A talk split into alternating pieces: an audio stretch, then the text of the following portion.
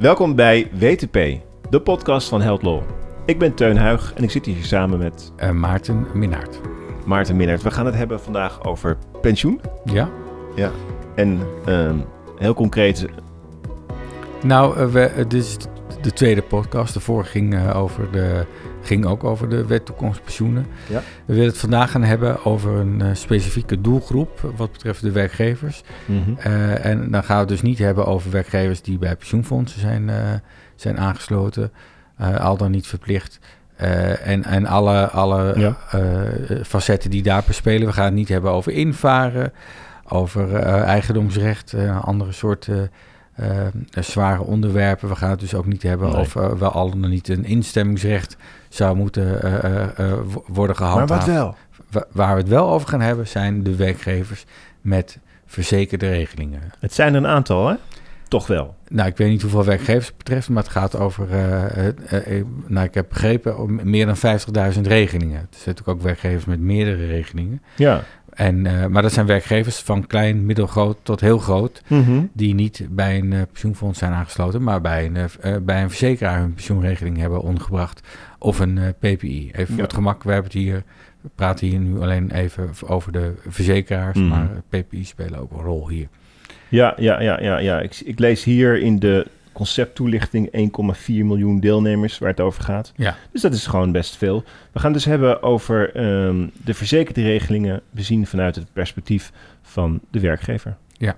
Hey, en, en die werkgever, ehm, die heeft te maken met overgangsrecht. Ja, Toch, dat is toch eigenlijk heel specifiek hier wat speelt. Ja, nou, er zijn, eh, als we het heel grof, grof schetsen, zijn eh, de, de werkgever eh, kan een aantal keuzes eh, maken. Eh, route 1 is eh, het inroepen van het overgangsrecht.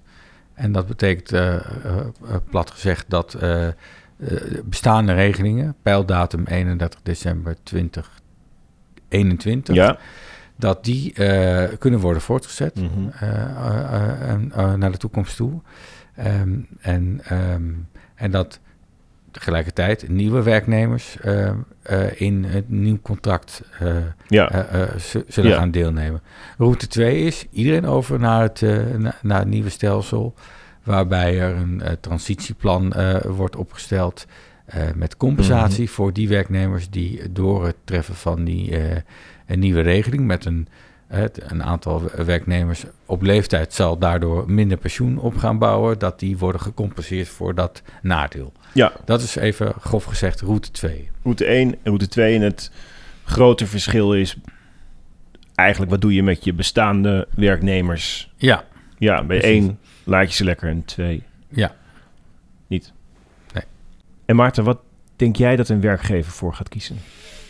Nou, mijn aanvankelijke gedachte was dat die werkgever kiest voor het inroepen van het overgangsrecht. Ja. Want dan hoeft hij eh, het minst moeilijke gesprekken te, te voeren met Ja. zijn eh, populatie. eh, Ja. de, de- en, en, en, hoeft er weinig gerekend te worden, want dan zegt hij gewoon tegen die eh, populatie van bestaande werknemers: voor jullie verandert er niets. Je blijft gewoon in de oude regeling deelnemen.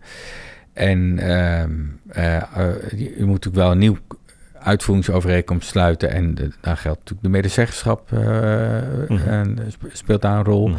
eh, voor alle werknemers die eh, nieuw in dienst komen. Mm. Die gaan wel, deel, die kunnen niet in het, eh, voor hen geldt dat overgangsrecht dus dat, dat, dat klinkt heel aantrekkelijk voor een werkgever. Toch even na, even als we verder kijken in de toekomst. Je kan uiteindelijk wel klagende werknemers krijgen. Bijvoorbeeld de jongere die nu 30 is.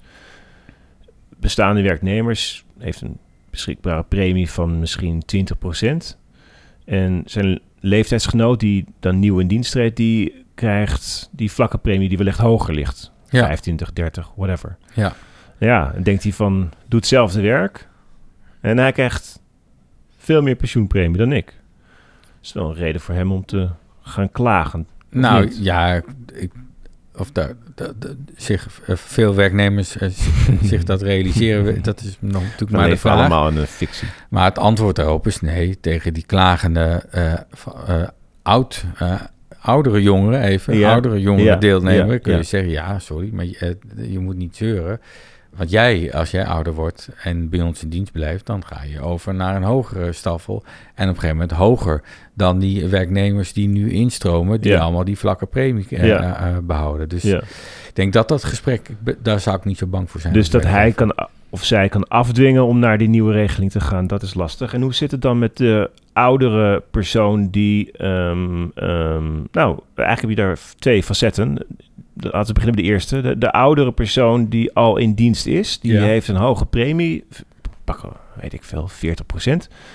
En zijn collega die krijgt veel, veel lagere. Ja, die, die gaat misschien nooit meer weg. Toch, die, die oudere? Die denkt van als ik nu eh, van baan wissel, Nee, klopt. Dat, eh, wordt ook, eh, dat klopt. Want die, als hij in dienst gaat treden bij een andere werknemer, dan krijgt hij. Eh, dan, dan kan hij niet instromen in, eh, in Nee. het op overgangsrecht gebaseerde voortzetting van, eh, van de oude Nee. pensioenregeling. Hij hij kan ook geen compensatieregeling als iedereen overgegaan is langs die route 2 naar het nieuwe contract. Dus en de, de- ja, die, de- is, de vraag is, en dit, dit, dit werd ook wel onderkend, wordt onderkend in het consultatiedocument, namelijk dat er mogelijk een rem ontstaat op arbeidsmobiliteit. dat, dat, die wordt minder dan bij deze persoon. Ja, nou ja, die, die, die zit dan met gouden ketenen vast en die zal niet eh, willen overstappen naar een andere werkgever. Nou wordt in datzelfde consultatiedocument eh, ook de, de- de- deze rem ook weer tegelijkertijd weer gebagatelliseerd. Ja. In de zin van dat voor de meeste werknemers eh, pensioen geen bepalende factor is bij de keuze voor een bepaalde werkgever. Ehm, Echt waar? Ja? Nou ja, Nee, het is waar. ja, het is echt het waar. is ook, nee, maar het echt- is, nee, maar ik bedoel, het- dat, is- dat is, feitelijk is het zo. Ehm, maar ik moest lachen, omdat je ehm, ehm, bijvoorbeeld met die hele doorsneepremie is een van de redenen om, om daar vanaf te stappen, omdat dat ook de arbeidsmobiliteit beperkt. Dus er lijkt dan aan de ene kant wordt het gebruikt om als argument om vooral de WTP te ondersteunen en, en, en over te gaan. Aan de andere kant Ja, nee, zeg dat, je, ach, dat klopt. En, het is, en de vraag is of, of die veronderstelling wel, wel juist is. Ja, voor eh, jongere werknemers klopt dat. Die zijn meer geïnteresseerd in, eh, in eh, gewoon wat krijg ik elke maand op mijn rekening Auto, gestort. ja. Misschien auto. Nou, wel voor hele jonge deel, werknemers is, schijnt auto, autobezit niet meer zo'n bepalend argument te zijn. Ehm, maar voor ouder, ja, ik weet niet, voor 60-plussers, ja, die, die zijn toch langzamerhand ook Ja. voor de niet geïnteresseerden op een eh, leeftijd gekomen dat ze wel Ja. eh, nadenken over pensioen. Dus ja, Mag ik nog wat over, over het tweede af- eh, aspect van die ouderen? Want ik zat ook te denken aan die ouderen die dus nieuw in dienst treedt. ja, En die gaat dan- ook wellicht scheve ogen kijk, eh, krijgen naar zijn leeftijdsgenoot die al in dienst was. Want die zit dan met 40%, hè, die, die oude, ja, qua premie. En die nieuwe met die vlakken van 30. ja. Ze krijgen ook ongelijkheid. Is dat dan... Ja, dat klopt. Nou, je krijgt ongelijkheid. eh, eh, denk ik toegestane ongelijkheid in de zin dat het Hmm. nee, maar zo is dat die, die, die werknemers zijn niet gelijk. De ene zat, was al in dienst en eh, kon op grond van het overgangsrecht blijven deelnemen in de oude regeling. En dat geldt dan niet voor die nieuwe werknemer die in dienst treedt. Nee. Scheve ogen, nou, dat zou inderdaad wel kunnen. Want het verschil Ja. kan, kan best groot zijn.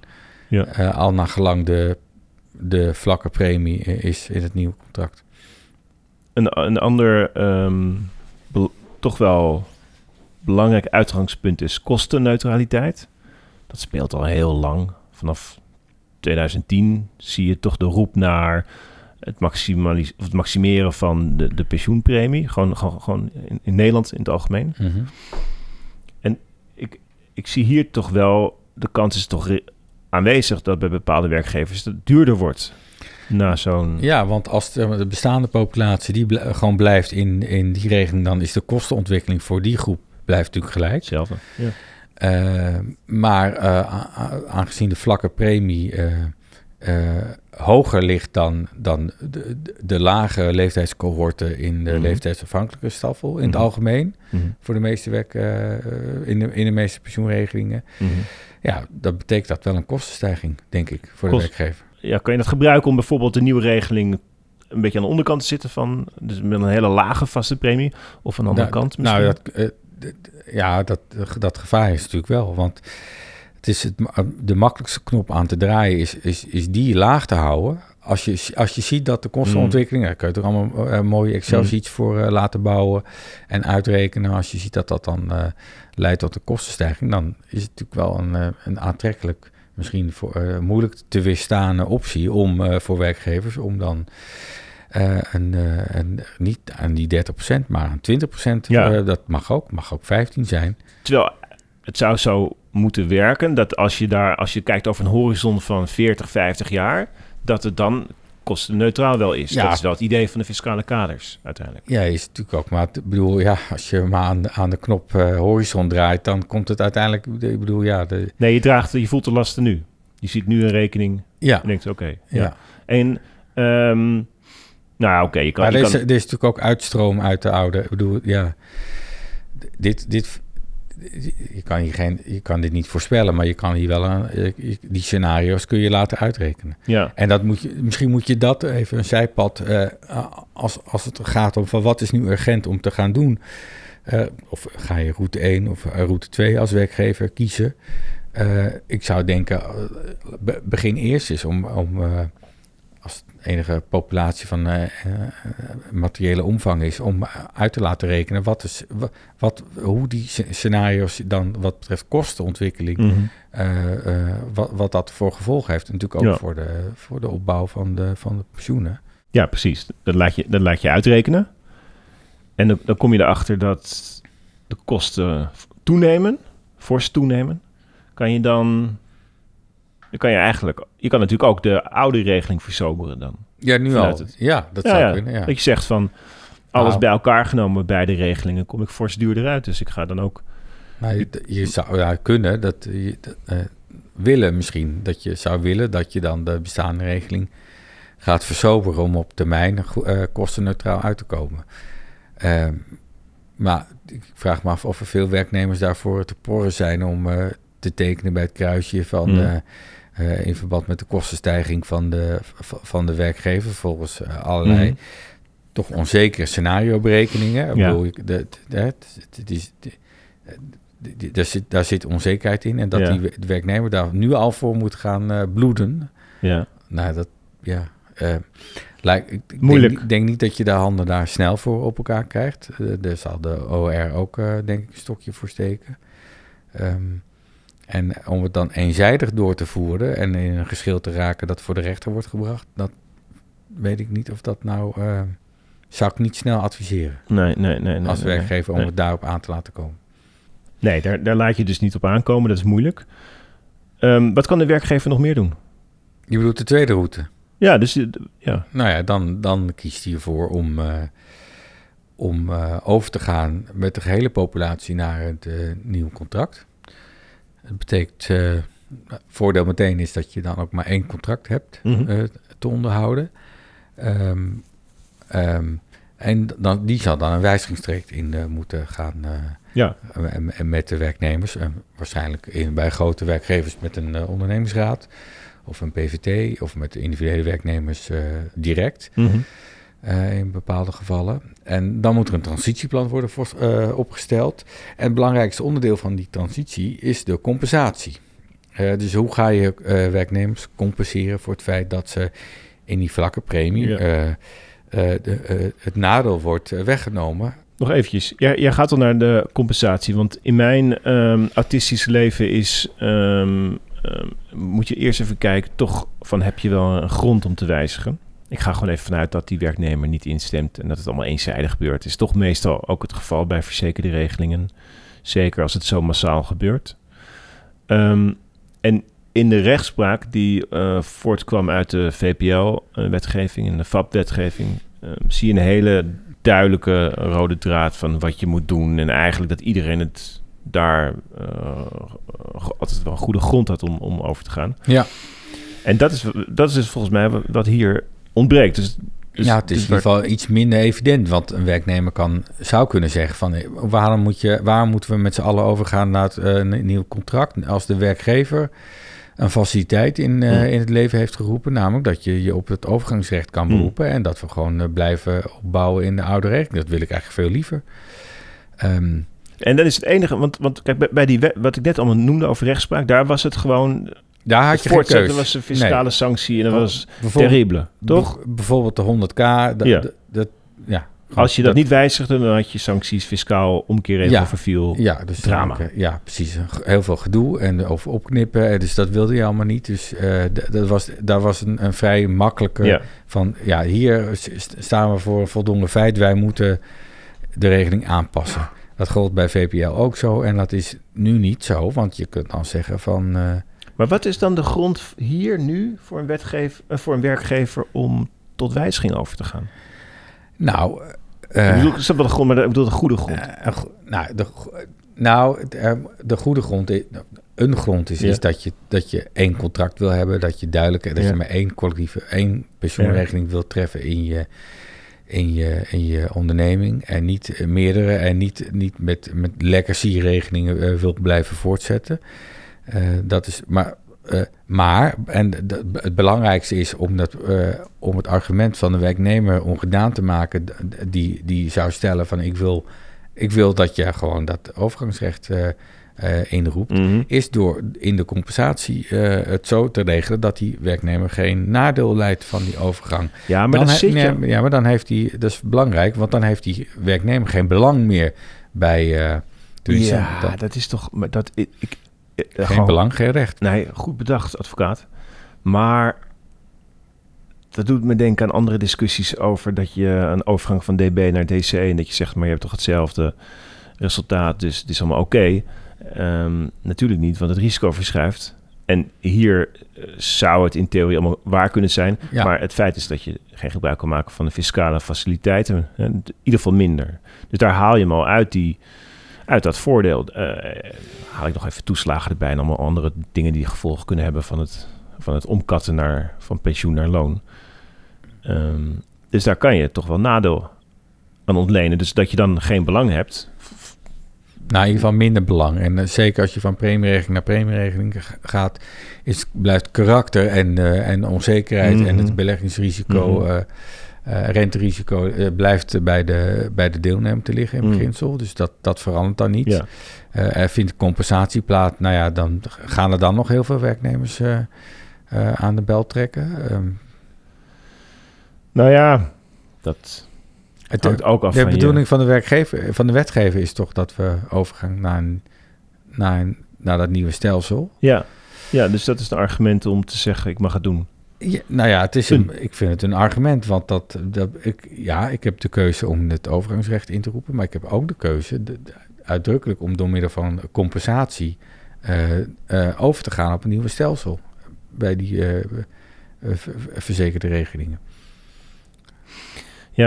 Ja, uiteindelijk komt het, zal de discussie toch gaan over de vraag of... Kijk, de, de- wat, wat je nog wel uit die rechtspraak kan meenemen is... het, het, het mag geen ehm, kostenbesparing zijn. Dus je Nee. mag niet in je, iets in je zak achterhouden. Nou, dat is ook eigenlijk logisch. Ja, Eh, En we zoeken natuurlijk ook vaak naar het omgekeerde als je vanuit een werkgever bekijkt. Ehm, als het nou meer gaat kosten, mag je dan de oude of de nieuwe regeling, nou in dit geval dus de hele regeling versoberen en, en minder compensatie geven. nou dat lijkt me lastig. Ehm, en dat betekent, ja, dat het zou wel zo, zou, eh, zo kunnen uitpakken dat eh, er wordt steeds gesproken over een eh, vlakke premie van zo rond de 30 Mhm. dat als je ziet, voorziet dat, die, dat de kosten toenemen, dat, je, dat het dan aan, een aantrekkelijke en misschien niet te we- weerstaande optie is om, om het zo te regelen dat, dat, dat die premie geen 30, maar 20% wordt. Ja. Eh, s- Dan, dan schieten we natuurlijk niet met z'n allen heel veel meer op, want dan, eh, dan, dan zaten we een, een nieuwe eh, generatie op met een niet adequaat eh, aanvullend pensioen. Hoewel, ik, ik, ik, ik weet dat het lastig is in rechtspraak, maar ik vind het, ik vind het zo duidelijk vanaf 2010 dat we, eh, dat iedereen, dat we, dat we zoeken naar een kostenbeperking. Mhm, Dat ik wel denk van ja, dat mag wel iets meer eh, erkenning krijgen in rechtspraak. mhm. Dat dat op zichzelf, wellicht misschien niet helemaal alleen dat argument, ehm, is misschien niet voldoende grond om eenzijdig te wijzigen. Maar ik, ik vind dat wel iets meer erkenning mag krijgen in de rechtspraak. Dat, dat als je dus zegt van, alles, eh, iedereen over en, het, en, en, en de kosten stijgen met 50% of zo. Dat zal niet gebeuren, maar stel je dat. Ja, Dat je dan als rechter, dan, dan vind ik dat moet meer terugkomen in, in uitspraken. Dus meer eh, erkenning dat er vanaf 2010 Nederland Nou, breed die nou, behoefte bestaat. nou ja, erkenning, dat zou dan misschien, dat zou beginnen bij, bij, bij de wetgever, toch? Ehm, Dat zou en, en, mooi zijn. en de wetgever doet dat niet. En, en, en dan, le- dan komt die vraag bij de, bij de rechter te liggen, die, die, die dat langs de gewone wijzigingsjurisprudentie-kaders legt. Ja. En niet, niet snel, alleen maar om uit kostenoverwegingen eh, ehm, meegaat in het verhaal dat er, dat er voldoende reden is tot, tot wijziging Nee, van, maar een, dat, eh, van deze arbeidsvoorwaarden. nee, maar dat, dat begrijp ik. Dat begrijp, dat begrijp ik ook heel goed. Eh, ik heb alleen nu het gevoel dat het te weinig erkenning krijgt. Ja, oké. Stel nou dat je kan zeggen dat de werknemer ehm, er licht op achteruit gaat. Gewoon over, de, over zijn hele horizon. Ja. En dat je als werkgever kan zeggen, ik ga er fors op achteruit. Ja. Qua, omdat ik gewoon te lastig, dan word gewoon te hoog. Nou ja, dan is dat nog steeds best moeilijk om dan op basis van dat argument een eenzijdige wijziging succesvol er doorheen te krijgen. Ja. Terwijl ik denk van, nou, daar kan je wel iets meer mee. Ja, dat klopt. Maar goed, Nee. dat speelt in zijn algemeenheid. eh. Oké, goed, we, we naderen het einde. Wat zou jij nou als werkgever doen? Nou, ik zou om te beginnen. ehm, ehm, eh, vo- voordat je eh, begint met, met het, eh, het, het uittekenen van, van, van, van, de route richting 1 of ro- route richting 2. Het, informatie verzamelen door, het, door scenario's te laten uit. Die, niet, en, niet, die twee, niet alleen de twee routes, maar ook premiehoogte eh, in de staffel. aannames over vertrekkansen van, van werknemers. Met andere woorden, eh, rek- het, het, eh, eh, laten uitrekenen. Mhm. Of, of, daardoor een beeld krijgen van wa- wa- wat, wat, wat bepaalde keuzes. Ja. wa- wat die aan de kostenkant. eh, En daarop je dan de keuze voor één of route 2 eh, baseren. ja, ja. Ben, ben- je gedurende deze aflevering geswitcht? Of voor welke, als jij nou gewoon op onderbuikgevoel, voor welke zou jij nou gaan? Voor welke route? Onderbuik is toch route 2 uiteindelijk. Omdat ik dan de- denk van, dan hou je de discussie naar voren. Eh, van wa- wat voor regeling wil ik hebben. En, Ja. eh, en je, je beperkt de compensatie. eh, nou, je beperkt, dat is niet het goede woord, maar dan denken dat je het met, met route 1 het probleem vooruitschuift. Dat is denk ik een, een, Hmm. een, een, ten Ja. onrechte. ik, denk, Eh, ik denk zelf dat... Ik ben alle kanten opgegaan, en, maar ik denk dat ik toch bij route 1 in blijf. Ik denk dat als ik een kleine werkgever ben, sigarenboer, dat ik het zeker doe. Ehm, en die zit bij de detailhandel, dus dat... eh, Die zit bij de detailhandel. En ehm, ik denk dat je als ehm, wat grotere werkgevers zal je in ja, dan ga je ook, heb je ook de middelen om dat om die inzage. Nou, wa- wat misschien kopen. waar we het nog niet over gehad hebben, is dat deze, dit, dit, het, het, het hele, eh, eh, dat hele nieuwe kader wat betreft pensioenen is ook meteen een, mooie kans. eh, een soort katalysator om, om harmonisatie door te voeren. En dat bedoel ik niet zozeer om uit verzoberingsoogpunt, maar ook om zeker werkgevers die door overnames en eh, eh, te kampen hebben met, met Mm. allerlei legacy-regelingen. Dit is natuurlijk wel het moment om, Mm. eh, om, Ja. om, om te gaan harmoniseren. Ja. En dan moet je heel veel werk doen, heel veel uitrekenen over compensaties en berekeningen laten uitvoeren. Maar als je dat dan gedaan hebt, Ja. dan begin je wel met een min of meer schone lei Ja. voor iedereen. En Je in, een, in, een, in een premieregeling. Dit, ik, ik moet een beetje, een beetje grinniken omdat ik, dit al jaren tegen werkgevers zeg. Hè, van, niet alleen verzekerd hoor. Ja, Van, van, ja, je kan ook wachten, want dan komt er een nieuw contract. ja, ja nou, maar nu gaat het gebeuren. Dus ja, het gaat gebeuren. Dus alles, het is toch ook voor eh, het administreren en het uitvoeren van en, en kostenoogpunt natuurlijk niet zo heel aantrekkelijk om heel veel regelingen in hetzelfde onderneming te hebben. Ontstaan door allerlei eh, eh, door, door reorganisaties en overnames en weet ik veel wat. Dit is ook je kans nu om, eh, om te gaan naar één collectieve regeling. Nou, we gaan afsluiten. Ja, hebben het nu over verzekerde regelingen gehad. Misschien volgende keer ehm, weer pensioenfondsen. Ja. Wie weet. Dat weten wij wel. Tot dan. En dank voor het luisteren.